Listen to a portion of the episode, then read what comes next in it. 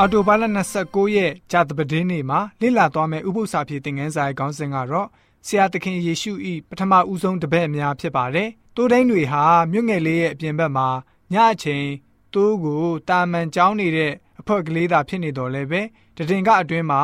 ကောင်းကင်တမန်တွေစီကအံ့မွယ်သတင်းစကားကြီးကိုလက်ခံရရှိတဲ့သူတွေဖြစ်လာကြပါတယ်။သူတို့ဟာစိတ်အားထက်သန်စွာနဲ့ကောင်းကင်တမန်ကြီးညာခဲ့တဲ့သူငယ်တော်ကိုတွေ့ဖို့ ရှာဖွေခဲ့ပါတော့တယ်။ရှင်လုကခရစ်ဝင်ခန်းကြီး2ငွေ8ကနေ20ကိုကြည့်လိုက်မယ်ဆိုလို့ရှိရင်တော့တူဒိန်းတွေဟာသူငယ်တော်ကိုတွားရောက်တွေ့ဆုံခဲ့တယ်ဆိုတာကိုတွေ့ရမှာဖြစ်ပါတယ်။ဆရာသခင်ယေရှုရဲ့ပထမဦးဆုံးသောတပည့်တွေကတော့ယောသက်မာရိနဲ့တူဒိန်းတွေဖြစ်တဲ့အကြောင်းကျွန်တော်တို့တအံ့တော်သိရှိကြရပါတယ်။နိချစွာနဲ့ဖွားမြင်လာရတဲ့ယေရှုရှင်ရဲ့ဖွားမြင်ခြင်းဟာလူသားဇာတိကိုခံယူလာတဲ့ကောင်းကင်ရွှေနှန်းထက်ပိုင်ရှင်လို့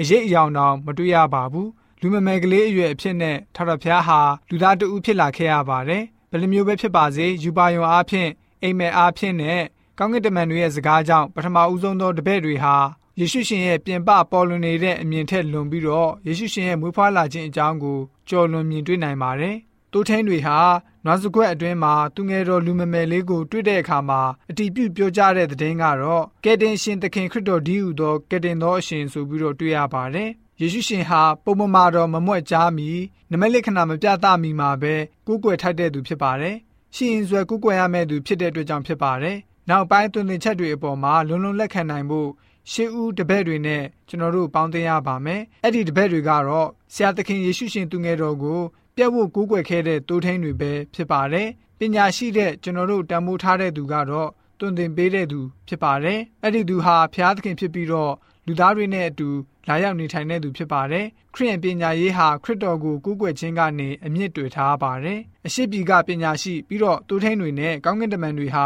ခရစ်တော်ကိုကူးကွယ်ကြပါတယ်။ထိုနည်းတူကျွန်တော်တို့အားလုံးလည်းပဲပါဝင်မှုဖိတ်ခေါ်နေပါတယ်။အသက်မွေးဖွားလာတဲ့ရှင်ဘုရင်ကိုကူးကွယ်ဖို့ဖြစ်ပါတယ်။ဖျားသခင်အစစ်အမှန်ဖြစ်တဲ့သူငယ်တော်ယေရှုကိုဖူးထွေးဖို့ဖြစ်ပါတယ်။ခရစ်တော်ယေရှုရဲ့လူစားတိခံခြင်းနဲ့ထာဝရဘုရားရဲ့ဇရိတတော်ဘယ်လိုမျိုးဆက်ဆက်မှုရှိတယ်ဆိုတာကိုစဉ်းစားကြည့်ပါ စကြဝဠာကိုဖန်ဆင်းတဲ့အရှင်ဟာကြီးမြတ်လာပြီးတော့ကျွန်တော်တို့မမီနိုင်တဲ့ဖះပြီးတော့အဲ့ဒီဖះရှင်ဟာမိမိကိုယ်ကိုနှိတ်ချပြီးတော့လူစားတိကိုခံယူခဲ့ပါတယ်ယေရှုရဲ့ဘဝနဲ့နေထိုင်ခဲ့ပါတယ်ကားတိုင်ထက်မှအသေးခံပြီးတော့အပြစ်ရဲ့အခါကိုပေးဆက်သွားခဲ့ပါတယ်လူသားတွေရဲ့အပြစ်ကိုဖះရှင်ကဝင်ပြီးတော့ပေးဆက်ရတာဖြစ်ပါတယ်အဲ့ဒီအရာဟာတကယ်ပဲသတင်းကောင်းဖြစ်ပါတယ်တူတူကြောင့်ကျွန်တော်တို့ယုံကြည်သူများအနေနဲ့ဒီသတင်းကောင်းကိုဝမ်းမြောက်စွာကြွေးကြော် ဝေငှပြောကြားတဲ့ယဉ်ကျေးသူတွေဖြစ်စေဖို့အတွက်ဂျာသပတင်းနဲ့ဥပု္ပ္ပစာဖြစ်တဲ့ငန်းစာကဖော်ပြထားပါတယ်။